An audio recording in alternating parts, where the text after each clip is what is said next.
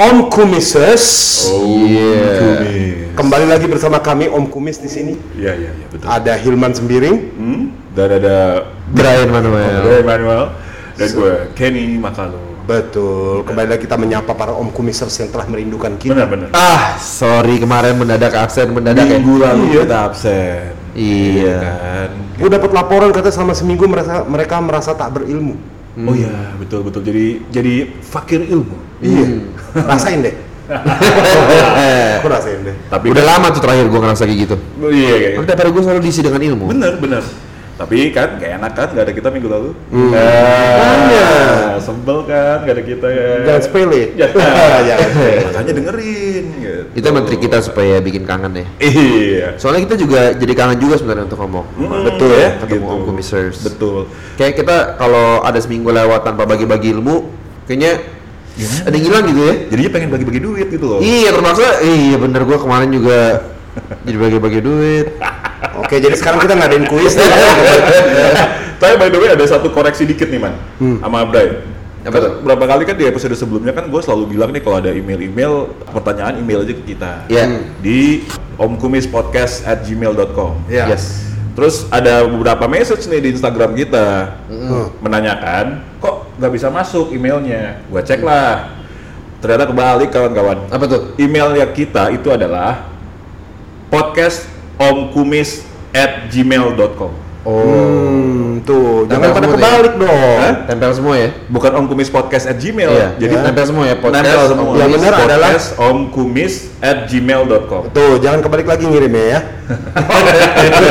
Sorry nih, tapi thank you buat Om Kumisers yang udah uh, kirim message di uh, apa namanya di Instagram kita ya. Yes. Gitu. nah, terus apa lagi nih? Uh, Malam ini apa yang ingin Om Kumis bagikan kepada para pendengar? gue mau cerita dikit nih. Oh, gimana? Cerita dikit. Sebelum lu- kita bagikan sesuatu lu cerita. Gue cerita dulu dikit. Hmm. Jadi minggu lalu tuh kan gue liburan. Hmm. Nah, pas gue lagi jalan-jalan, tiba-tiba sepatu gue jebol, men. Wah, Lu tahu dong. kapan lu terakhir jebolin sesuatu tuh kan? SMP. Jebolin rekor. Oh, gitu. Sepatu gue jebol. Eh, gitu kan. Kita kan anak Air Jordan gitu kan. Ah. Oke, kan udah. Masih banyak sepatu Air Jordan ya? Eh, wah jebol sepatu gue. Si Jordan Air Jordan gue ini kan. Gue posting di Instagram gue, di story gue. Gue sedih gitu. Terus ada yang bilang, ada yang bilang, tenang aja kan, jangan khawatir. Hmm. Itu sepatu lu sekarang benerin sepatu gampang banget men katanya. Oh kenapa gue bilang? Soalnya sekarang di Indonesia tuh udah ada lem ibon yang sangat luar biasa. Wah. Oh gitu. Gila. Lem ibon seharga 82 miliar. Wah. Oh, jadi lu ketika jalan-jalan lu diberitakan informasi ini ya? dari Indonesia di Entry Jadi point-nya ketahuan bagus deh ya. gue liburannya keluar negeri.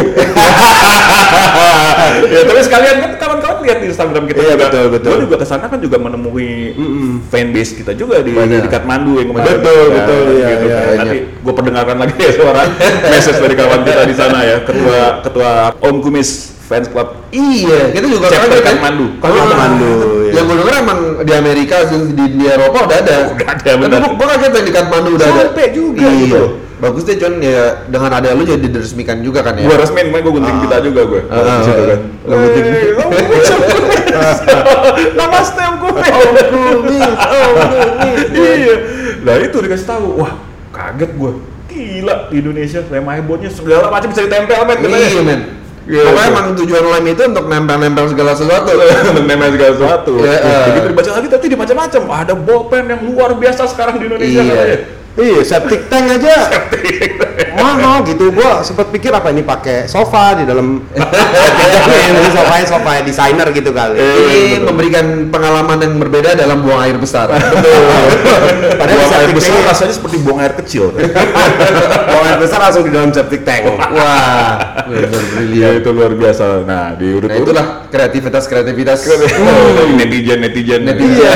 Di situ gue langsung merasa kecil. Kita ini siapa? Ternyata banyak sekali yang kita belum tahu. Banyak sekali. Iya kan? Luar biasa. Lem lah segitu mahal. Iya. Dan mungkin zaman udah berubah ya. Dulu kan kebutuhan anak murid tuh nggak ada tuh lem setiap bulan harus ada dua kaleng gitu Per, kan. persiswa ya. Persiswa. Persiswa. Iya, iya, iya. Benar-benar. Mungkin emang itu jurusan prakarya gitu ya. Hmm, tapi lu mesti inget kenapa? Kenapa? Menurut gue nih secara konseptual tuh sebenarnya relevan. Kenapa lem ibon ini sekarang menjadi hits banget? Hmm. Karena memang kalau kita ingat dulu kan selalu ada yang melontarkan slogan merekatkan kembali. Nah, Wah, Iya kan? Ber- perpecahan-perpecahan persatuan yang terserak. benar. serpihan Waduh, serpihan serpihan. rengginang.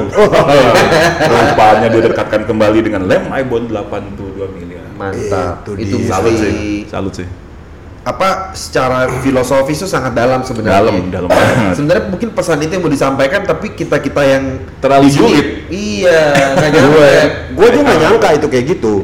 Pertama, ini kan jadi backgroundnya kan ya mungkin Om Komisaris pada tahu ya. Udah pasti tahu lah. Ini kan ada Bahasanya. anggaran kemarin di input anggaran dari pemprov. Hmm. Nah kemudian salah satu anggota DPRD DKI Jakarta itu kemudian mempertanyakan Hmm. kenapa kok ada anggaran untuk lem ibon sebesar 82 miliar totalnya. Iya. Hmm. Nah, gue pertama kali kalau lu kan bagus tuh memaknainya bahwa ini untuk merekatkan Iya. pertama kali gue mikirnya ini mungkin karena buat siswa gue pikir ini mungkin supaya pelajaran gampang nempel di pikiran murid-murid gitu Benar-benar. gue nggak sefilosofis Iya, itu Semacam-macam kalau dulu kan Doraemon ada roti dimakan, Hmm. jadi hafal tuh. iya iya Ini lemnya diisep, jadi nempel. nempel pelajaran itu Make sense, make sense. mungkin Benar-benar. harus cara-cara kreatif ini kan juga ya Iya. Terobosan-terobosan seperti ini kita Betul, kan, betul, dari iya, dari iya. pemerintahan kita kan. Iya. gitu. Nah itu mulainya gimana sih kan anggota DPR ini yang gue tahu ya, Hmm. mungkin nanti tambahin kalau misalkan apa gue ada yang kelu- kelu- kelewatan gitu. Hmm. Yang gue tahu itu kan anggota DPRD ini namanya William ya, kalau nggak Ya. salah. William Aditya Sarana. Dari nah dari PSI Partai ya? Solidaritas Indonesia. Indonesia. Dia tanya untuk apa biaya anggaran Hmm. lem ibon Hmm. sebesar 82 miliar untuk murid-murid. Hmm. Seinget gua itu pertanyaannya sesingkat itu. Hmm. Iya. Nah, kurang lebih dia ngomongnya seperti ini nih. Pertama kami menemukan eh, pengadaan lem ibon oleh suku dinas pendidikan wilayah 1 kota Jakarta Barat. Nama kegiatannya adalah penyediaan biaya operasional pendidikan sekolah dasar negeri. Pengadaan ballpoint di SDN Jakarta Timur. Harganya 123,8 miliar. Pengadaan ballpoint di sekolah dasar negeri Jakarta Timur. Jadi kalau kita lihat itu saya, ini saya nggak berbohong ya itu harga satu piece-nya adalah 105.000 satu piece 105.000 ya ini tidak mengada-ngada ini memang ada di di website APBD Nah, Nah, setahu gue pertanyaan sesingkat itu dan Hmm. memang itu mencantumkan gambar sistemnya di foto apa di video capture, iya, iya. uh, screen capture tentang uh, di sistem itu dilihatkan lah bahwa memang ada anggaran di situ. Ya. Itu satu hal. Nah, respon nah responnya gimana tuh? Respon dari Pemprovnya. Wah. Nah, gitu. Di take down. Di- Pertama di- yang gue tahu satu hal nggak ada yang ngebantah. Itu memang ada di situ. Iya. Iya kan? Nggak ada bantahan. Mm-mm. Tapi memang tampak awal-awal itu eh, pemprov apa dari suku dinas memang nampak kebingungan kenapa emang ada anggaran ini gitu. Hmm. Akhirnya mereka me- menduga bahwa ini kesalahan lah, Iya, iya. iya. kesalahan di input. Terlepas apakah jawaban itu genuine atau enggak, ada Iya. penemuan itu ya kan? Ya. Hmm.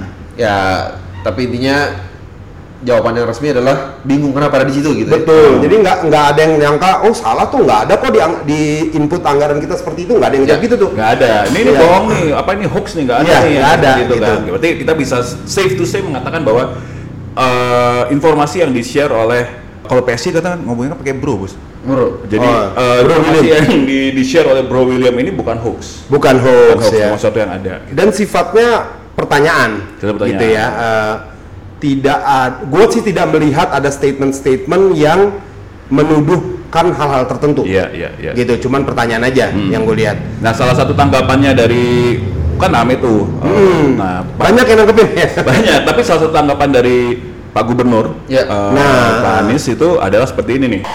sistem seperti ini memaksa para perencana memasukkan komponen di saat belum tentu sudah ada komponennya.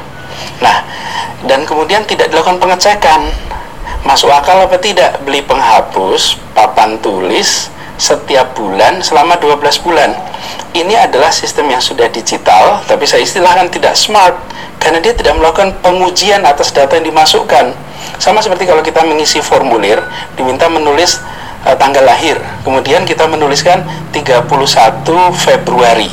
Kalau sistem yang smart, dia akan menolak. Tidak ada 31 Februari. Tapi kalau sistem yang tidak smart, apa pun yang dimasukkan direkam. Nah, ini yang terjadi di sistem kita. Diharuskan memasukkan totalnya, komponennya dibebaskan. Lalu ketika belum ada komponen, masukkan apa saja di situ. Nah, kami sudah menemukan ini sejak tahun yang lalu. Karena itu kemudian kami koreksi. Dan ketika kami mengoreksi itu, tidak dengan menyalahkan siapa pun. Selama setahun ini kami tidak pernah membicarakan ini. Tidak pernah menunjukkan pada siapa pun bahwa ini ada problem di dalam perencanaan. Ujungnya, anggaran dipakai yang benar, bukan untuk beli papan, beli penghapus. Ujungnya dipakai untuk honorarium. Tetapi di dalam proses perencanaannya ada istilah itu dummy. Dituliskan tapi tidak dilaksanakan. Nanti di bulan empat bulan kemudian ketika dikoreksi yang sebenarnya ada. Nah, cara seperti ini ketika di screen capture lalu diposting akan terjadi keramaian. Saya bisa saja sejak tahun yang lalu mengangkat ini semua, memposting, tapi tidak ada gunanya. Saya ini sedang bekerja untuk membangun persatuan, menghindari konflik-konflik yang tidak perlu, tapi beberapa hari ini ditonjolkan seakan-akan ini peristiwa pertama dan seakan-akan ini adalah kelalaian pengawasan. Nah, gitu katanya. Iya. garis bawah ini poinnya tanggapan Pak Gubernur itu Pak Gubernur Anies ya. Iya. Pertama sis, uh, inputnya ini memang keliru Hmm. gitu. Ya. Padahal sudah berkali-kali di- diberitahukan kepada jajarannya tolong berhati-hati dalam input. Iya, iya, iya. Itu poin pertama. Poin kedua sistemnya ini keliru nih. Sistemnya itu dia bilang kan bahasa tadi kan dia bilang sistemnya digital tapi tidak, smart. Iya. Gitu. Jadi seakan-akan yang gua juga nangkap dari pernyataan itu adalah Pak Gubernur mau menjustifikasi Hmm. kalau data entry yang dimasukkan untuk anggaran itu memang karena sistemnya diciptakan oleh gubernur pendahulunya Hmm. seperti itu. Hmm. Jadi dia harus masukin angka dulu nih. Mm-mm. Ya dimasukin aja dulu suatu elemen karena Iya, iya. itu nanti bakal dianggarin bakal Komponennya, juga. komponennya harus Kom- masukin dimasukin. komponen aja dulu. mau- Ya. Nanti kita bahasnya secara detail. Ya. Yang mana kan juga agak bikin orang jadi mengernyitkan dahi gitu Betul, ya. Ya, betul. ya masa lagi mau ngebahas anggaran ada lubang segede gitu ditutupin dengan asal-asalan. Iya. gitu. Kalau Iya, misalnya anggarannya mau 82 m, ya harusnya udah kebayang dong apa gitu. Nggak Iya. mungkin meleset jauh banget dari tadinya mau jadi tadinya mau beli apa terus wah bingung nih apa untuk sementara ditaruh lem ibon dulu deh Betul. dua Apalagi orang gitu loh. Iya. Inputnya udah spesifik ke merek lem tertentu, nggak Iya. sekedar untuk perekat gitu loh.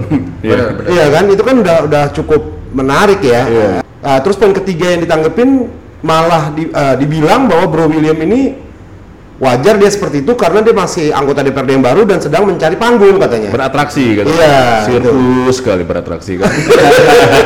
Ya, tapi gini loh, man, baik kalau gue yang gue tangkap dari beberapa kali gue perhatiin penjelasan dari Pak Pak Gubernur Anies ini, justru gue melihat ada beberapa penjelasannya ini yang jadi sebenarnya nggak konsisten, ya kan?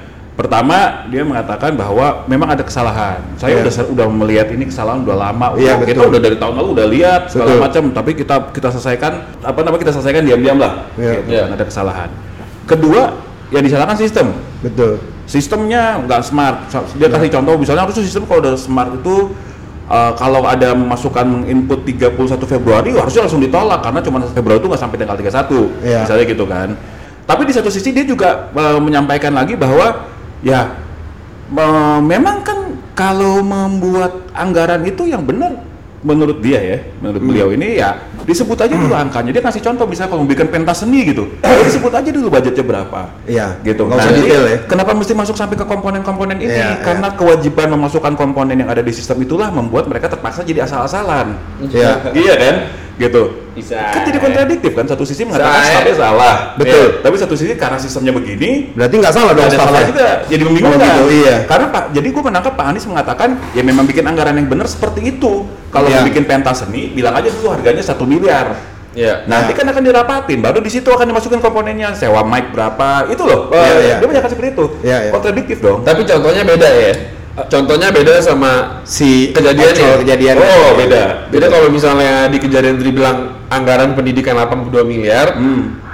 tentu beda dengan dibilang biaya lem, biaya perekat sebar serbaguna 82 miliar kan beda Iya. dong. Beda, beda. Memang akhirnya jadi lucu pembela-pembelanya tuh ada juga dari dari bagian eh, SKDP apa sih bahasa SKDP ya? Iya, iya.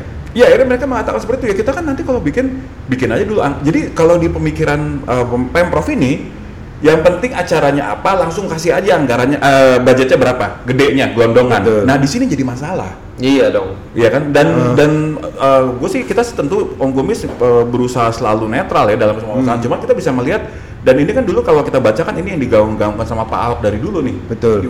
Gaung-gaung gaung-gaungkan oleh Digaung, Pak ya. Ahok dari zaman dulu bahwa uh, sistem e-budgeting ini dibikin uh, justru untuk menghindari terjadinya pengajuan budget yang gelondongan yang bulk gitu. Iya. Jadi semuanya udah harus bisa dipertanggungjawabkan dari awal, which kita Betul. setuju. Sebagai orang-orang yang sudah berkeluarga nih, seolah-olah lo sekarang punya istri, eh, istri lo bilang pokoknya bulan ini kebutuhan rumah belanja 10 juta, eh, belanja sorry, banget 10 juta ya buat budget pasar ya. Eh, Ya, kan sebulan. Oh, Ya, sebulan. party terus tuh kayak gitu. Misalnya, dia bisa bilang gitu kan, pokoknya buat sekolah anak 5 juta, buat eh, 10 juta buat belanja makanan sehari-hari, 20 juta buat ini eh, 30 juta, buat ini 30 juta tanpa memberikan detail tuh apa Kenapa isinya. angkanya muncul sekian ya? Ah, kan jadi aneh. Iya. Tapi satu sisi ya eh, seolah-olah nanti istrinya pikir gue bilang aja 30 juta. Nanti kan juga ngobrol sama suami gue setelah dirinci-rinci ternyata oh bukan 30 juta dong, harusnya cuma 5 juta. Iya. Itu kalau gue menangkapnya seperti itu. Benar. Iya, iya. Iya kan? Betul. Nah, sekali satu lagi ada menarik juga gue ada satu satu orang yang mengatakan iya betul ini masih belum bahkan belum masuk rancangan Betul. bahkan belum dirapatkan apa segala macam. Tapi kalau dari awal tidak dideteksi seperti ini nih oleh Ya. eh, Bro William misalnya kan saat ini kan Bro William yang mendeteksi.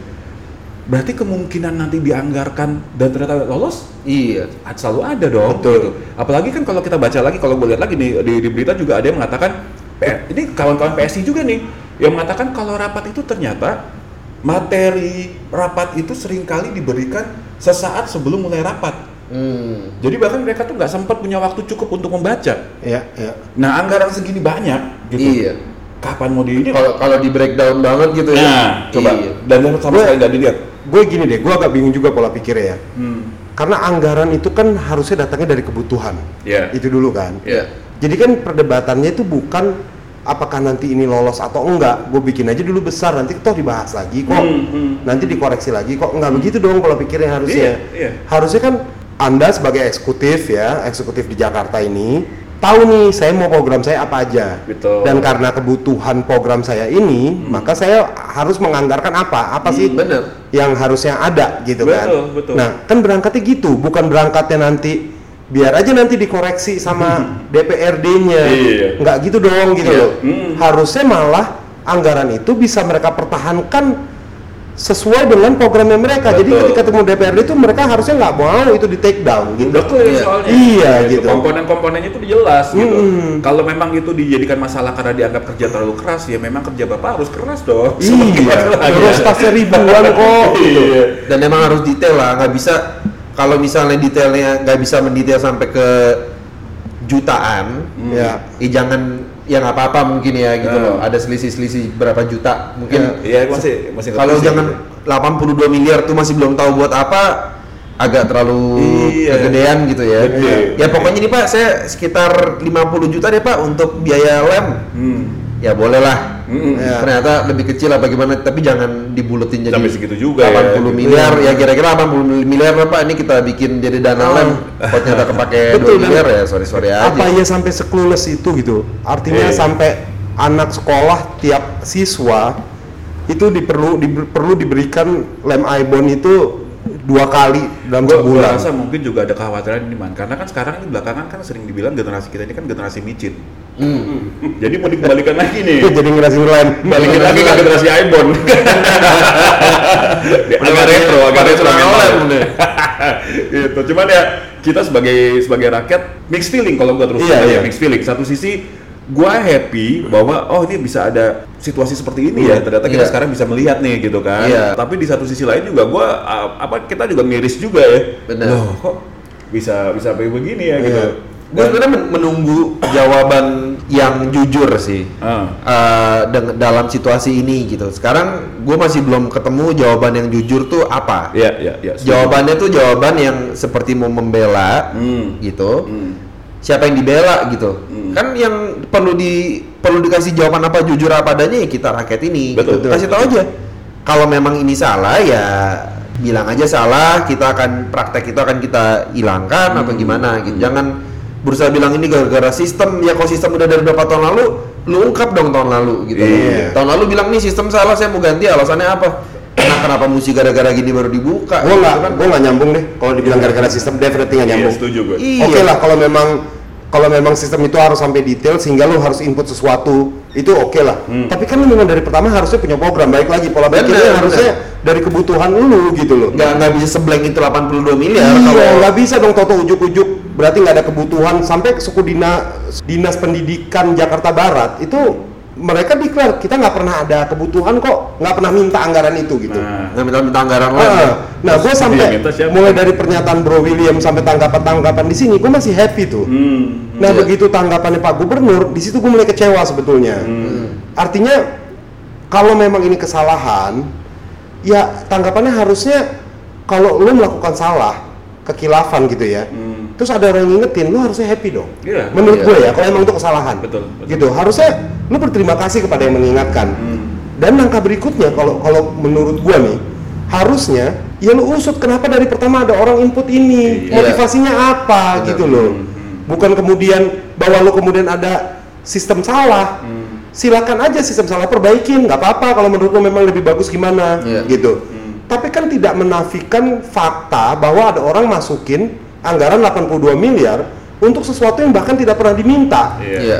Nah, ini kan regardless of the system, fakta Iya. ini kan terjadi Itu gitu. harus dicari tahu ke Iya. dalam itu ya masalah itu ya. Ya, itu kalau secara logika kalau memang dianggap itu salah memang harus di follow up. Iya, Iya, betul. nggak bisa sekedar tolong perbaiki aja.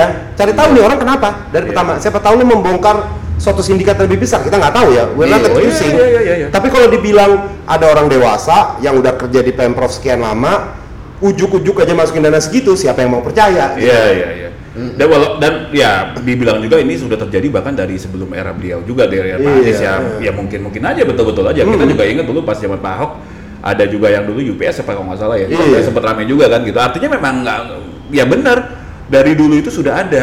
Iya. Dan justru Coba-coba di- kalau gitu ya. buat kita nih ya Pak Anies yang terhormat Justru dengan ada sistem seperti ini, makanya masalah-masalah seperti itu bisa kelihatan. Bisa kelihatan, iya, Gitu. betul. Jadi jangan-jangan jadi jangan jadi Dibalik disalahin gitu ya. sistemnya juga Iya. gitu. Ini kan justru membantu Pak Anies sebenarnya. Betul. Gitu. Kalau Pak Anies merasa ada yang perlu diperbaiki, silakan aja. Hmm.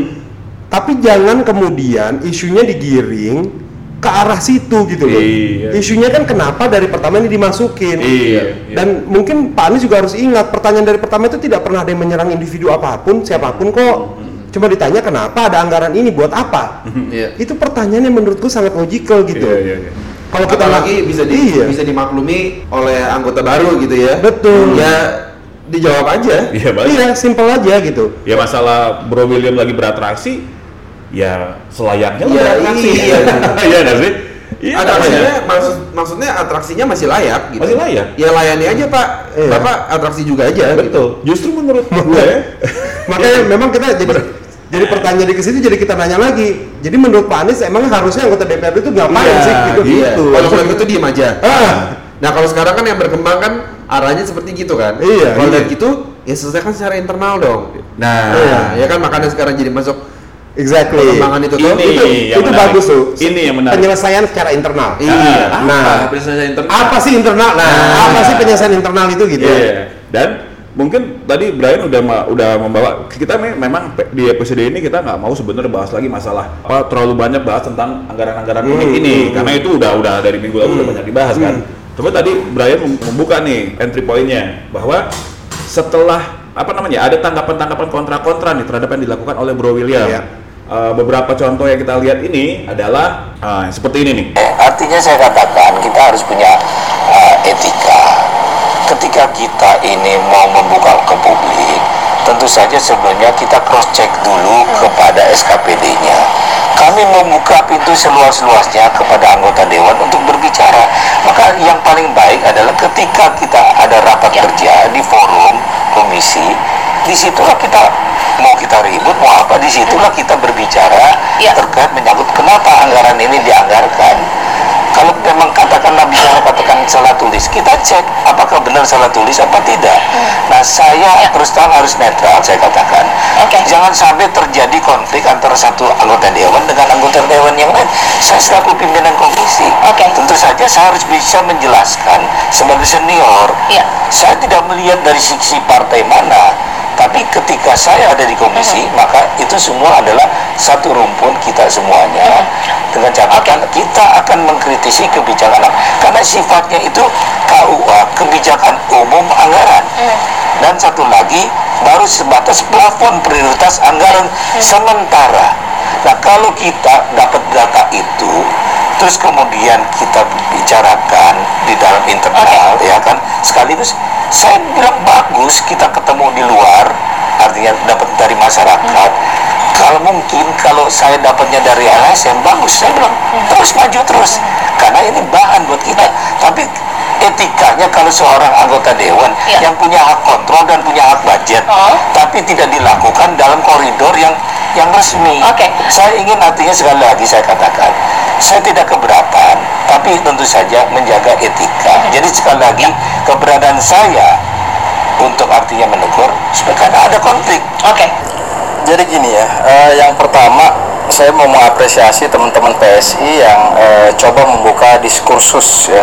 Tapi menurut saya itu kurang pas karena memang kalau kita bicara tanda kutip pertarungan atau adu argumen terkait penganggaran itu adanya di ruang rapat, di ruang rapat Banggar, juga di ruang rapat-rapat komisi gitu loh. Dan yang saya sesalkan lagi data yang dibuka oleh teman-teman PSI ini adalah eh, sebenarnya bukan data yang untuk konsumsi publik. Tapi hoax bukan Karena topik hoax nggak ya, bukan hoax Ah, itu, itu ya, penting. tapi bukan untuk dikonsumsi publik. masa sih itu kan anggaran Karena itu belum masuk. Nggak, jadi gini bang, penyusunannya kan bahkan tuh RAPBD aja belum. nggak bisa dong gitu Bahkan RAPBD aja belum. Ini baru pembahasan KUA PPAS. Saya ini bagus, Saya mengatakan ya, bahwa dibaca masyarakat. DPRD DKI Ya, itu akan terlalu sulit kalau membahas sampai satuan ketiga atau sampai ke komponen-komponen tertentu. Bayangin ya, mengambil contoh misalkan ada anggaran eh, yang judulnya misalnya seperti yang sudah disebutkan ya, nah misalnya anggaran biaya pendataan PKL DKI Jakarta. Nah, dipasanglah dami miliar ya? Inder 5,53 miliar.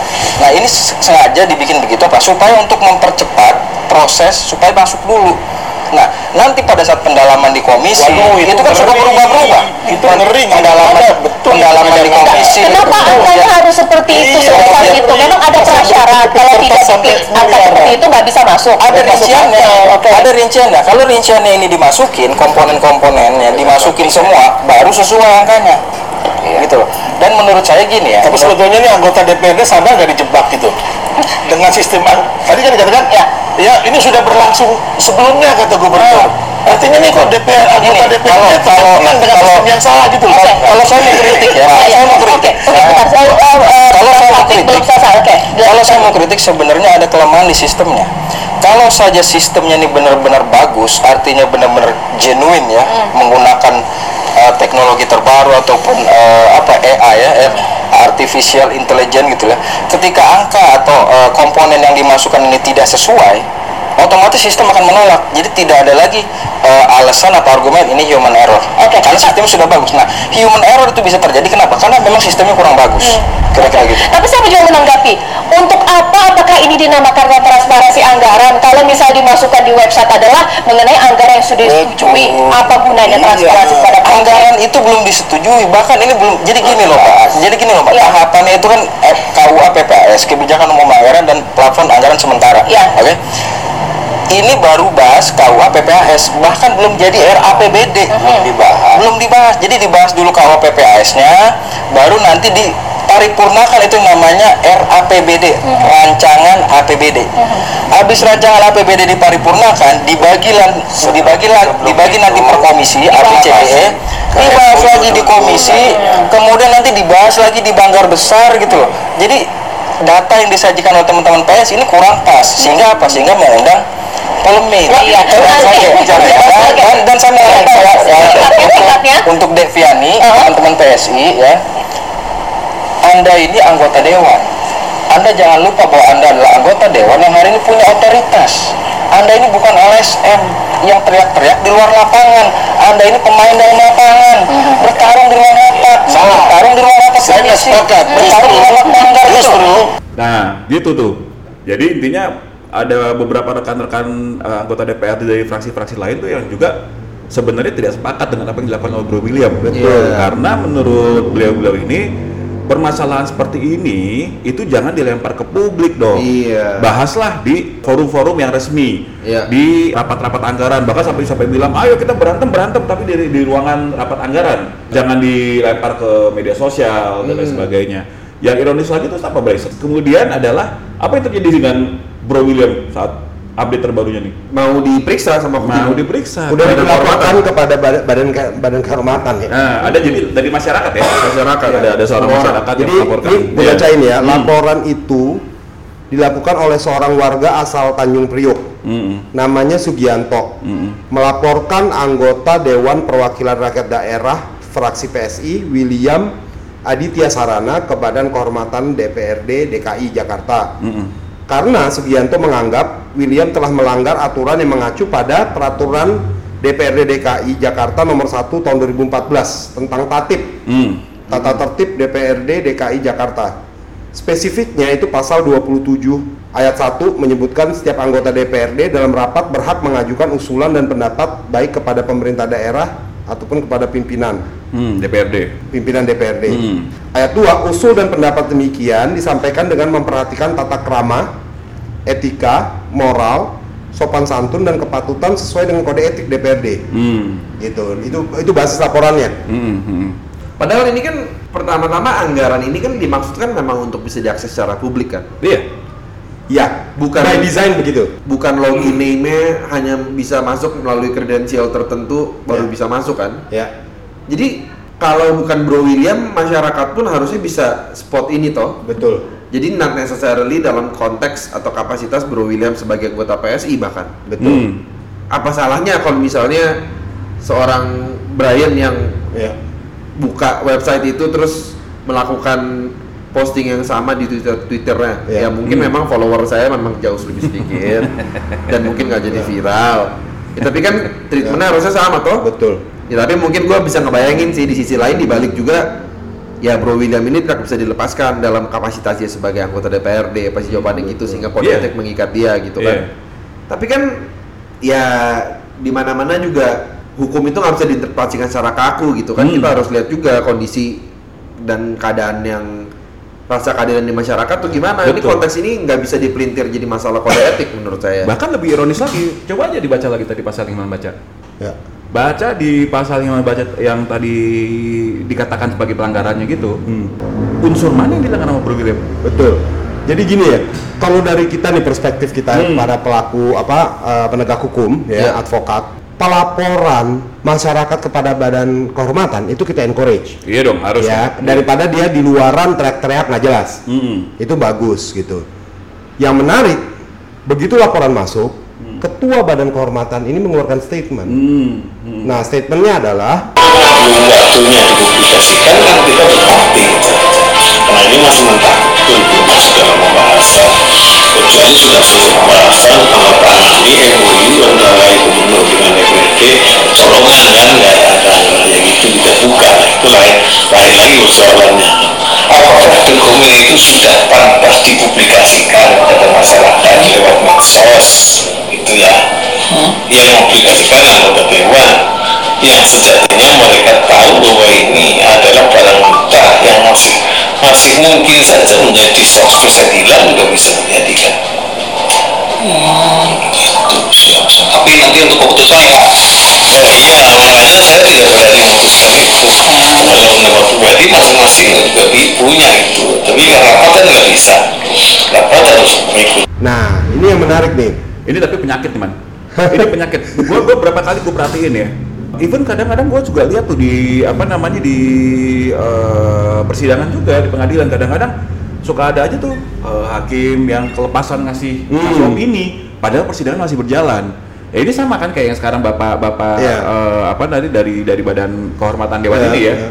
Ini laporan baru masuk eh, bahkan Bro William sendiri belum diperiksa. Betul, faktanya belum belum belum diketahui. dicek gitu kan Belum diketahui secara opini. formal. Ah, ah, udah kasih opini Iya. kalau gitu sih gak usah dipanggil Bro Williamnya hukum aja langsung Betul. sekarang memang gimana seperti yang kita dengar ya, dalam rekaman tadi ya, memang dia menyatakan ini pendapat pribadi, Hmm. pendapat pribadinya Iya. ketua badan Kor- ban- apa badan kehormatan ini. ya Tapi kan lagi-lagi dia pun memberikan statement itu dalam kapasitas dia sebagai ketua badan kehormatan. Iya, no Iya. such thing lah lu lu Relevansinya dalam laporan ini. Gitu. Dia nggak mungkin ditanya pertanyaan itu kalau dia bukan ketua badan Betul, kehormatan. gitu.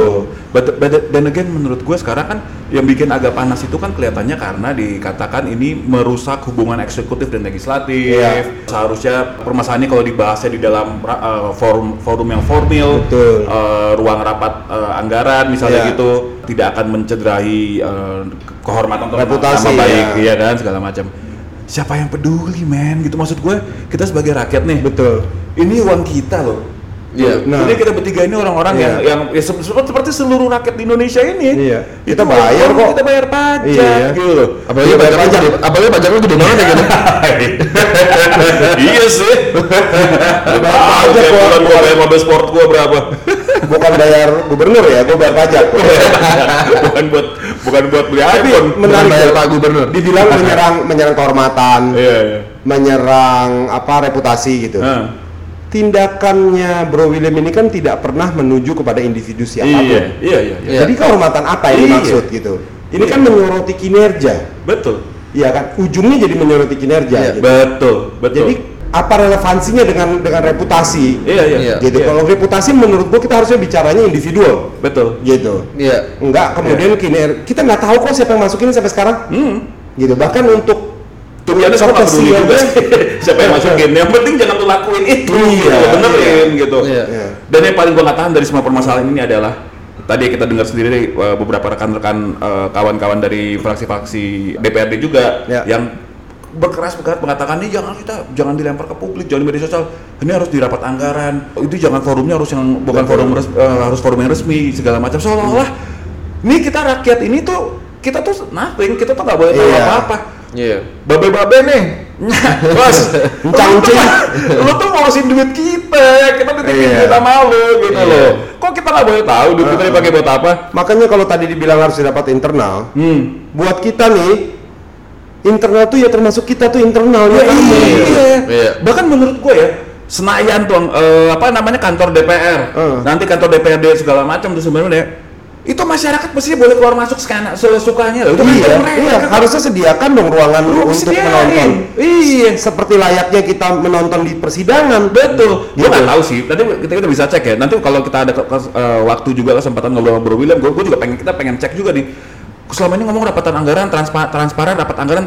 Lu gimana mau transparan kalau dalam ruangan tertutup? Pertanyaan Iya. kita nanti kalau pengen tahu, kita boleh nggak sih tiba-tiba satu hari kita datang aja ke situ? Iya, mau- kita masuk mau nonton, iya. Nonton. Boleh nggak? Mungkin kalau kayak gitu jalan tengahnya dibikin aja deh siaran selalu ada saluran TV lokal Biasa. gitu loh. Seperti la- lagi-lagi seperti rapatnya Pak Ahok. Mohon maaf nih Pak Ahok jadi disebut-sebut lagi ya. Tapi kan memang itu direkam dan disiarkan di channel YouTube-nya Pemprov itu ada Iya. maksudnya gitu Dan loh. mungkin kalau itu mungkin lebih lebih lebih lebih lebih cost efficient lah ya mungkin Iya, daripada betul. dibikin TV Iya. lokal. Mungkin bisa kayak gitu. Gue kira itu memang program pemprov dan sampai sekarang masih ada. Enggak, udah nggak ada lagi. Oh lala. Gitu. Ini mohon maaf lagi-lagi mohon maaf. Bukan bukan apa namanya kemudian kita apa kepengen balik lagi ke masa lalu ya Hmm. gitu tapi karena kebetulan kan yang memang yang melakukan program ini kan Pak Ahok Hmm. diingat masyarakat semua termasuk om komisaris kan Pak Ahok Tahu, gitu. iya gitu. gitu terlepas dari apa namanya eh, isinya apa pun ya di situlah kita dididik juga sebagai masyarakat gitu loh. Iya. Ajaklah kita, kita jangan Libatkan kita, libatkan kita lah, Iya, jangan ditinggal-tinggal iya. gitu. Bukan kita malah. "Oh, ayo kita kita beresin bareng-bareng nanti lu lihat nih cara kita beresin nih. betul Kita nih orang-orang yang bijak-bijak semua nih kita di sini. Diskusi ini dijadikan diskusi elitis gitu loh gue gue agak merasa dikecilkan Ah, Gua baca itu. terus ah. gue bener mendengar pendapat dari Mengecewakan ya. fraksi-fraksi DPRD ini segala macam gitu ya kayak kok kita nothing gitu Iya. kayak yang eh, jangan lah ini mereka nggak perlu tahu deh mereka A- anak kecil masih ada. Anak Ini, kecil ini nggak- orang gede lagi mau ngomong. Lagi orang penting Iya. mau ngomong gitu. eh, lu nggak usah tahu deh gitu. Pokoknya lu tau beres aja pokoknya. Kita beres aja deh. usah beres-beres juga. Kayak gimana? gue nggak tahu nih sudut pandang mana yang lebih buruk atau yang lebih baik ya satu se- sisi sudut pandang seperti lo bilang tadi Hmm. sudut pandang sisi lainnya wah jangan sampai mereka tahu nih apa yang terjadi di kita Nah. bukan karena kita kecil justru Ah, karena ya wah tahu. mereka bisa itu lebih nyebelin nih. the issue gitu gue nggak tahu deh mana yang lebih positif gue Iya. nggak tahu deh Kita sih nggak nggak mengatakan itu pasti terjadi apa segala macam. Hmm. Cuman kan jadi kawan-kawan ini sebenarnya dia kan jadi membuka ruang yang nggak perlu gitu Iya. loh. membuka ruangan-ruangan yang beresiko gitu. Iya. Transparansi adalah kunci kan dalam di sini. Transparansi adalah kunci. Iya, kalau dia bisa lebih bikin tutup-tutup kan masuk ke kamar berdua gitu dibilang ngapa-ngapain juga kan nggak ada yang mau dikaya ya kan? kenapa mesti tutup pintunya Iya, kecuali pintunya kaca. Kalau pintunya kaca itu namanya transparansi. zaman sekarang aja Iya. model-model kantor semua pintu udah kebuka kaca semua Iya. transparan semua ke dalam Betul. Makanya kalau mau transparan gitu ya, udah deh di websitenya bilang aja. Gua nggak tahu, nanti kita cek lagi. Di website ada nggak sih ada jadwalnya nih? Hari Senin jam 10 komisi ini mau membahas tentang anggaran ini Iya. di ruangan sini. ya mau datang datang Ya, mau datang, datang. kerja bisa lihat di YouTube atau Nah. di Instastorynya Ayo, Prof ya kan? gitu. Ayo kita men-challenge nih. Iya dong, kita iya men-challenge eh, wakil-wakil rakyat kita. iya Gitu. Bukan wakil-wakil kita.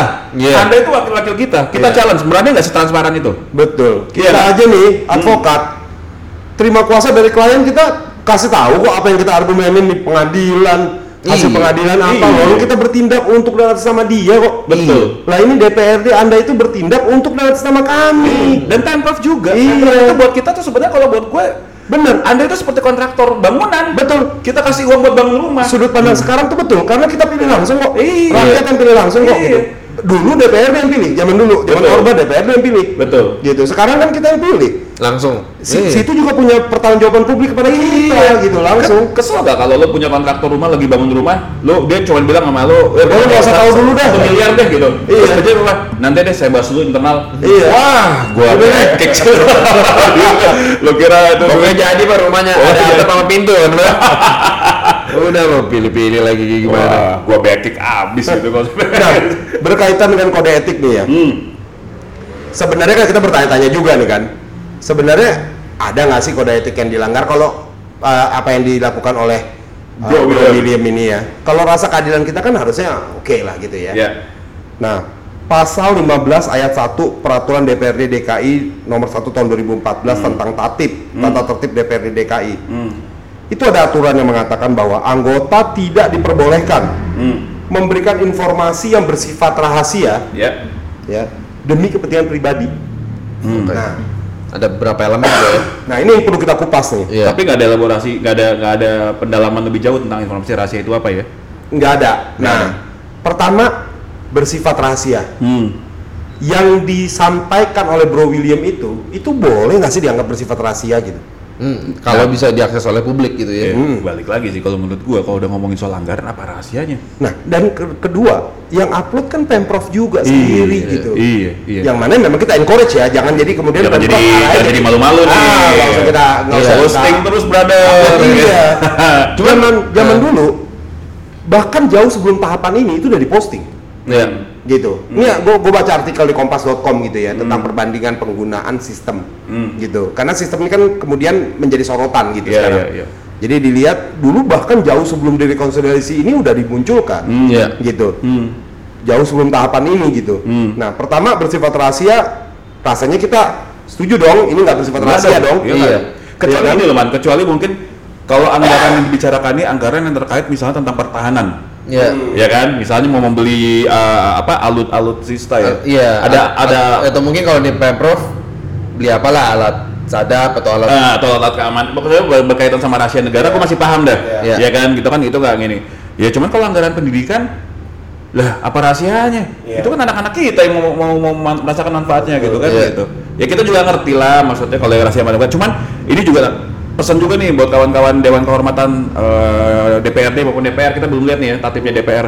Jelasin dong ini rahasia maksudnya apa. Iya. Jangan subjektif. Iya. Jangan subjektif Anda juga. Harus objektif. Iya. Kalau semua hal yang berkaitan bikin aturan itu semuanya subjektif dari anda anda sendiri, ya anda yang main dong. Iya. Anda wasitnya, anda pemainnya, Iya. iya kan? penontonnya kita lah yang bayar tiket kita. Dan Ah, penjelasan mengenai rahasia itu harus jelas basis Iya. pemikirannya. Kenapa yang ini? Kenapa kita bikin yang ini rahasia? Iya. Yang ini uh, bagian tertentu rahasia, bagian tertentu enggak. gitu. Hmm, Nah, hmm. Filosofinya apa gitu? Jangan cuma sekedar bikin oh gua klasifikasi aneh yang ini rahasia, yang ini enggak. Iya. Lah alasannya apa dulu gitu? Iya, iya makanya ja- harus harus objektif, jangan subjektif. Eh, jangan subjektif dari mereka sendiri nanti menentukan kan. Iya. Menurut gue ini rahasia nggak boleh. Bentar dulu dong bos kalau misalnya ngomongin soal duit gue. Nanti kalau kita tanya apa definisi rahasia apa enggak? Rahasia dong katanya. Eh, Nah, gitu juga kita. Terus kita jangan bisa ngomong juga kan. Iya. rahasia lah. Gue mau kasih tahu tapi rahasia. Rahasia. Ya deh. Eh, eh, eh, eh, rahasia. Iya, iya, deh,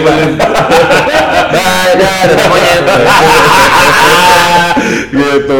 Ini sih benar-benar kalau kayak kayak sekarang di masa dibilang juga kan gitu. Wah dari dulu juga eh, udah terjadi tuh masuk masukin anggaran asal-asalan apa segala macam. Hmm. Betul, betul. Kita setuju. Cuman yang membedakan hati-hati pak. Yang membedakan dulu itu aksesnya 24 hari 7 minggu bisa dilihat masyarakat. Iya. Sekarang tiba-tiba jadi nggak bisa diakses. Iya. Itu kan itu aja udah secara psikologis sudah jadi pertanyaan dong. Betul. Kalau dulu ngaco tapi dibuka, sekarang ngaco juga tapi ditutup. Lah Iya. kenapa? Sama-sama ngaco, Iya. tapi yang lain saya satu berani transparan, yang satu enggak. Itu aja kan? Iya. Ya tolong dong gitu. Dan ininya substantif lah. Kalau ada input yang salah, substantif aja kepada kesalahan itu. Hmm, Iya. betul, Heeh. Gitu. Hmm. hmm. Setelah itu kenapa, mau di- iya, kenapa mau- lari dari penjelasan itu gitu Nah, ya? itu. Setelah itu mau ladenin yang lain-lain silakan aja, tapi substantifnya dulu. Iya. Hmm. Gitu. Kenapa masukin 82? Oh itu kesalahan. Ah. Udah kita beresin. Nih, kita buat lagi websitenya. Ini udah, udah kita udah kita revisi jadi yang seharusnya. Kalau kayak kemarin nih ada kejadian lagi eh, Mbak MJ itu di datanya DPR sekolah-olah SD-nya cuma tiga tahun. Kalau itu diperbaiki aja nggak apa-apa benar. Aja, ya, itu iya. kan nggak apa-apa. itu cuma kesalahan redaksional lah menurut gue ya. Tapi Iya. kalau misalkan anggaran Yang banyak soalnya SD itu malah 7 tahun nggak naik. Ada temen gue tuh, SD nggak naik, SMP nggak naik, SMA nggak naik pak. Wah, pendalaman, pendalaman deh. Gitu. itu kan maksud gua se- sejelek-jeleknya sistem yang dibilang jelek ini kan nggak mungkin angka nama Ibon dan angka 82 itu masuk sendiri secara gaib ke dalam sistem itu. Iya. Tapi diakui kok kan, emang dimasukin. Iya, Ya. iya itu dia. Makanya tuh gue bilang tadi kok kontradiktif satu sisi nyalain sistem, satu Hmm. sisi tapi juga membe- melakukan pembelaan juga. Ini masukin kayak gitu gini, ya? lu mesti masukin harga aja ya. Susah kan bikin yang bikin kalau harus nggak ada susahnya menurut gue Iya. masukin komponen. Benar. Iya nggak sih? Benar. Gitu, masukin komponennya dong. Kalau gimana gimana mau fight. Sekarang makanya kalau misalnya dibilang bikin aja dulu gelondongan aja nanti juga akan di akan disisir gitu kan. Iya. Ya sedih apalagi ditambah fakta nih. ditambah fakta juga nih. Anggarannya defisit loh DPRD DKI. Iya, betul. Eh Pemprov DKI anggaran defisit loh. Hmm. Udah anggaran defisit masih logi, masih masih begini-beginian juga. Pola pikir nggak ada susahnya itu kan karena kita ber- berangkatnya dari pola pikir memang kita udah ada program duluan, Hmm. kebutuhannya apaan Mm-mm. gitu. Bener. Kalau pola pikirnya oke gue in grand total gue mau minta sekian, udah lu pikirin deh nanti detailnya masukin apaan, ah itu udah beda itu. nyebelin Iya. gitu, iya kan? Gitu, itu Iya. mulai mulai jadi susah dan nanti di kan bawahnya. tuh begitu kata dengan seperti itu ada kata-kata yaudah nanti kita carikan solusinya. Nah, ah, solusi apa tuh mas? Cuma kadang-kadang dari sisi seberang juga bilang nanti kita bantu pak, ah udah berabil. Hehe kan? Cuma kadang-kadang ini, ini mungkin yang yang sedikit membuka adalah membuka mata rakyat terhadap cara berpikir anggota dewan kita. Setuju. Dan dan orang-orang pemprov kita. Iya, orang pemprov kita jadi oh cara berpikir beliau itu adalah nanti kita bahas rancangannya. Ah. Sekarang kita masukinnya 82M harga lem. Ah, ah. Iya. Termasuk berapa puluh M harga bolpen, Ah, ya kan? masukin Nanti kita bahas lah soalnya Bapak kan tahu sendiri anggaran pendidikan kita kita semua nggak ada yang tahu nih Pak, buat Hmm. ke mana aja ya kan? 80 M tuh kita, bingung deh breakdownnya kita masukin dulu anggaran lem. Aduh, kayak jangan-jangan semuanya sama kayak Bro William semua anggota baru semua ya? Emang lima tahun semua diganti ya dari atas sampai bawah ya? Enggak juga kan? Itu kan kalau kepilih lagi mah enggak. please deh. Makanya kan itu jadi, jadi mikir-mikirnya nih, ada jangan-jangan yang namanya nanti dicariin solusinya itu adalah dicari aja komponen yang make sense apa. Iya. Ya kan nyebel. Enggak, iya. Kan Ya, ternyata lem tuh nggak make sense buat Bro William katanya. cari deh. bukan bukan lem nih mestinya gitu. Paku payung, paku payung. Iya, apalagi yang mau sama ini nih. Iya, ini jadi- Lemnya dipecah dua aja, Aibon sama Uhu.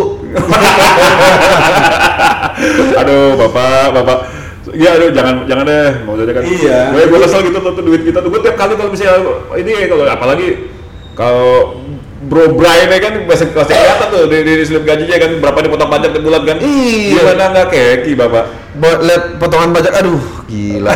Gue gue setor segini nih ke negara. Artinya mentalitas mentalitas dan tindakan seperti Bro William ini kan kita pengennya secara general juga terjadi di DPR RI. semua semua Iya, iya. semua daerah begini dong. Jadi sebenarnya ya ketika melihat postingannya Bro William ini kita Bro William itu kita nggak kenal ya by the way. Iya. Kita nggak kenal, jadi bukan bukan siapa-siapanya kita gitu. Tapi tindakannya ini tuh menimbulkan harapan supaya anggota DPRD lain pun mengencourage bahwa Iya. DPRD itu memang kerjanya sebagai watchdognya Iya, iya. dari pemprov Iya, gitu. iya. Termasuk kita nih kalau perlu kita juga sebagai Betul. concerned citizen juga melakukan hal itu. Betul. Makanya ja- jangan jangan kita berharap banget kita berharap banget ya nanti eh, Badan Kehormatan DPRD ini bisa mengambil sikap secara bijak nih. Heeh. Terus terang kalau Om Betul, Kumis, betul. Om Kumis eh, kalau lu nggak setuju bilang aja tapi ya. Iya. Tapi gua bawa nama lu dulu tiga nih. biar kita. Iya, iya. Om Kumis mengatakan bahwa Bro William tidak melanggar apa pun juga yang ada di kode etik kalau memang itu permasalahannya di kode etik Iya, tadi ya. kalau, iya, ya. kalau rujukannya ke masalah tadi ya. Iya. Rujukannya itu ya bersifat rahasia dan ada gandengan lagi demi kepentingan pribadi. Nah. Nah, Jadi arguably speaking bersifat rahasia pun kalau bukan untuk kepentingan pribadi dia Iya. apa-apa. nggak masalah. Iya. Dan, dan Gitu. menurut gua it's, it's easy to to understand kalau misalnya Bro Iya. Mengatakan ini bukan buat kepentingan pribadi gua tapi buat kepentingan rakyat. Nah, ini kan Betul. diarahin kepentingan pribadi. Tapi Jadi orang-orang ah bisa apa arah-arah mudah karakter aja. Iya bisa diarahin ke kepentingan pribadi nih orang ini nih dibilang Iya. cari panggung itu kan sebetulnya udah mengarah ke Itu sana. udah arahin, Ah, ya. gue nggak tahu apakah statement ini memang by design ke sini atau enggak, gue nggak tahu. Atau malam udah dirapatin dulu ya kan. Iya. Ya, udah Tapi dengan mengatakan mencari panggung itu mindset bisa kemudian terarah kepada oh berarti Si orang ini lagi mau kepentingan pribadi dia. Iya, pribadi. itu sih. Ya, itu sih kayak gua waktu kuliah tuh pas gua punya band tuh kan. Tiap minggu nyari panggung, Bos. Gak ada yang nanggepin. Nah itu mah benar. Itu mah bener cari panggung. Gua juga dikatain, lu nyari panggung ya? Gua gak marah juga. Kok lu tahu emang ada? Kalau bro gue dikatain atraksi, Iya. kayak seolah-olah kayak tau kayak lumba-lumba di di Memang- ancol. Kasihan bro. Anggota DPRD itu mental harus kuat ya. Kalau gue udah menemukan begitu terus tanggapannya begitu, waduh. Udah nggak tahu deh. Iya juga ya. Oh iya. Makanya kalau menurut gua spirit dari Bro William dan teman-teman fraksi PS, PSI ini eh, gua pribadi gua sangat salut, gua sangat sangat mendukung. Iya. Dan buat kawan-kawan dari fraksi-fraksi lain di DPRD, jangan dimatikan spirit seperti ini. Justru Betul. mari berlomba-lomba dong sama Bro William dan PSI. Iya, iya. Lakukan juga hal yang sama. Kalau misalnya melihat ada suatu hal yang tidak benar, suarakan ke publik. Ungkap. Biarkan. Biarkan masyarakat tahu semuanya. Jangan bergulir. Kami juga butuh hiburan. gitu. Jadi jangan malah jadi berantem. Buka dong semuanya kalau Iya. misalnya kayak gitu kan. Kalau misalnya tiba-tiba ada eh, dari fraksi lain tiba-tiba someday ngelihat ada fraksi lain ternyata yang melakukan tindakan yang tidak benar buka aja di publik nggak Iya. apa-apa nanti kalau bisa kenapa-kenapa juga publik jadi bisa akan ikut membantu kalau lebih membackup kan gitu Lebih luas lagi ya. Gue nggak merasa segala hal yang sesuatu yang bersifat substantif seperti ini hmm. itu kemudian bisa dikaitkan dengan kode etik lo. nggak bos nggak setuju gue Iya benar. Kode etik lo tingkah lo anggota dewan nampar tukang parkir. boleh ah iya Gitu. bener ke kantor pakai kolor rahasia demi kepentingan pribadi itu ya cocok gitu. Tapi Iya. kalau untuk substantif seperti ini, Hmm. sesuatu yang memang harusnya publik tahu, Iya. rasanya agak farfetch ya. Iya lah. Ya kalau warga melapor ya, ya itu hak hak dia aja. Iya. Gitu. Makanya kemarin kan gue bilang mandi, gue juga bilang gini, apa sih yang rahasia buat lo? Apa sih? Mm. Anggota DPR apa sih yang rahasia buat lo? Iya. Rahasia dong kali gitu. Eh, rahasia. Maksud gua kan kita kan bosnya. Iya. Masa lu rahasia-rahasia sama Benar. bos? Kita memberi bosnya. kuasanya ini. Kita memberi kuasanya. Iya. Gitu duit-duit kita. Iya. Sosok rahasia. Gak ada deh. Gua, gua menurut gua bapak-bapak terhormat ya. Apa sih yang rahasia di ruangan di, di kantor Iya. eh, itu kantor rakyat itu gak ada yang rahasia Iya. gitu. Makanya lagi-lagi deh buka aja deh itu kasih jadwalnya. Iya betul. kasih buka rakyat boleh nonton gitu ya udah kita bawa makanan sendiri deh kalau perlu kadang-kadang kita yang bawa makanan loh Boleh. iya gue bawain deh Oke, suka apa Jangan yang mahal-mahal. sukanya apa brizola ya Gue gue bawa ini eh, vitamin penguat rasa ingat. Iya. Supaya ingat sama janji-janji sama rakyat. ada deh bagus tuh bagus tuh Sama, nah, hmm. sebenarnya PSI dan Bro William ini nggak sendirian juga sih gue lihat. Di media juga ketua DPRD pun suportif sekali. Hmm. Oh, ya. Pak Prasetyo ya? Ah, Pak oh, iya, iya, Prasetyo benar. suportif ya. Artinya spiritnya memang sama. Ya, to be honest, walaupun regardless faktanya tadinya memang dari dari uh, pen- uh, mungkin bukan dari parpol pendukung Pak Anies gitu Iya, iya. ya. Lagi-lagi I don't give a damn pokoknya. Kalau misalnya udah nggak bener ya suarakan. Iya, betul. Gitu. Betul. Iya kan, apa pun punya motivasi politik Iya, dan segala macam, iya. kita nggak peduli. Ya itu politik silakan aja politik gitu. Iya. Cuman jangan pernah jadi ngerugiin rakyat gitu. Iya, tapi lo kerja dong, mau Ya, politik kerja, lakuin kerjaan lu gitu. Gitu, tuh, tapi bagus juga tadi itu vitamin vitamin pengingat janji. Pengingat janji. iya. Itu makanan kasih. Tahun tuh. Gue juga bawa suplemen lah. Apa? Suplemen kejujuran. Oh, Oh, gila. Da- dari mana Pak? Aduh, aduh dong mau ngomong kok. Gua jujur nih. Kok bau nih? Kasih minum. Gitu.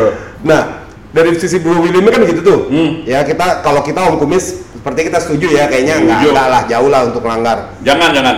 Nah, timbul pertanyaan yang menarik juga nih. Hmm. Terus kalau dari ketua Dewan Badan Kehormatan itu gimana gitu? Kenapa dia? Ya kan dia baru terima laporan terus dia bilang, "Oh, ini kan Iya. masih mentah sekali udah diumumkan. dia memang nggak ada statement bilang dilanggar ya. Iya. Dia bilang ini memang kenapa laporan ini ya karena ini masih mentah sekali sudah diumumkan kepada publik, Ah, ah. eh, diviralkan dan sebagainya gitu. Hmm. Nah ini melanggar kode etik nggak? Kecuali yang beliau maksudkan itu sebenarnya hanya mengintisarikan apa yang dikeluhkan oleh pelapor ya. Iya. Ya, jadi bukan pendapat dia. Itu pun gue nggak setuju. Iya sih. Kalau gue, situ kan bukan juru bicaranya pelapor. Oh, iya kan? jubir. Iya kalau memang kalau kalau memang Kok kamu jadi Nirina? Nirina jubir. kalau memang wartawan pengen tahu apa intisari pikirannya pelapor ya wawancarain Tanya pelapor. betul, betul. betul. Hmm. Iya tuh Bapak. Spekulatif dong. Sih. nggak nggak nggak etis, Nggak etis. spekulatif. Gue nggak bilang kode etiknya DPRD ya. Hmm. Tapi secara umum ya lu berbicara sama orang Hmm, itu nggak etis sih menurut gue. Iya sih gue. Setuju, Bre? Gitu. Setuju gua kan. Tapi eh, kita senang sih. Maksudnya Betul. banyak eh, banyak banget yang eh, dari semua kejadian ini banyak pelajaran bisa dipetik Iya, sebenarnya iya, ya itu dari yang- pihak dari pihak eksekutif, dari pihak legislatif, Iya. dari pihak rakyat. Ini juga ada unsur eh, mengedukasi masyarakat juga Iya. Iya. bahwa ayo nih masyarakat ternyata bisa tahu begini, masyarakat bahkan harusnya bisa involve, bisa bisa Iya. lebih terlibat, bisa apa? Menyenangkan sekali sebenarnya Benar, gitu kan. iya. Gitu ya, moga-moga sih untuk ke depannya jangan dimatikan nih semangat. Ah, itu pesannya ya. Iya. Pesan Om Kumis, keep up the good work. Keep up the good work, bro. Eh, keep up the good work, bro William. Iya, good fraksi. Partai Solidaritas Solidaritas Indonesia. Iya, dan DPRD DKI secara umum DPRD DKI secara pertahankan ini kita yakin banyak hal lain juga yang perlu dikritisi. Ya, Hmm. kita harus semua fraksi iya. kayak gini juga. Betul. Betul. Eh, bukan mengkritisi itu untuk me- menghambat ya, Hmm, mengkritisi itu untuk mengoptimalkan gitu. Yes. Juga teman-teman kita yang rakyat Jakarta nih, warga Jakarta, kita Hmm. juga spiritnya kita harus juga mengawasi nih. Iya betul. Gitu. betul. Jangan males. Jangan malas dan ketika ada orang yang kemudian bersuara yang kita anggap sesuai dengan keinginan kita, kita support. Support. Gitu. Betul. Setidaknya kita support. Betul. Kita support dengan kritis. Jangan kritis. Benar, benar. Gitu. Mumpung ada orang yang mau menyuarakan Eh, Pikiran kita. Pikiran kita. Iya. Gitu. With that, kita tutup kita episode tutup malam ini. episode malam ini. Terima kasih banyak untuk Om Komisaris. Kita juga ucapkan sekali lagi salut kita Ya. kepada Bro William dan rekan-rekan fraksi dari PSI Ya. dan seluruh anggota DPRD DKI yang juga uh, bisa menjaga semangat yang sama nih. Betul. Gitu ya. Betul. Uh, hormatilah uh, kepentingan rakyat, hormatilah kebutuhan rakyat. Betul. Gitu kan. Oke. Oke. Oke. Oke.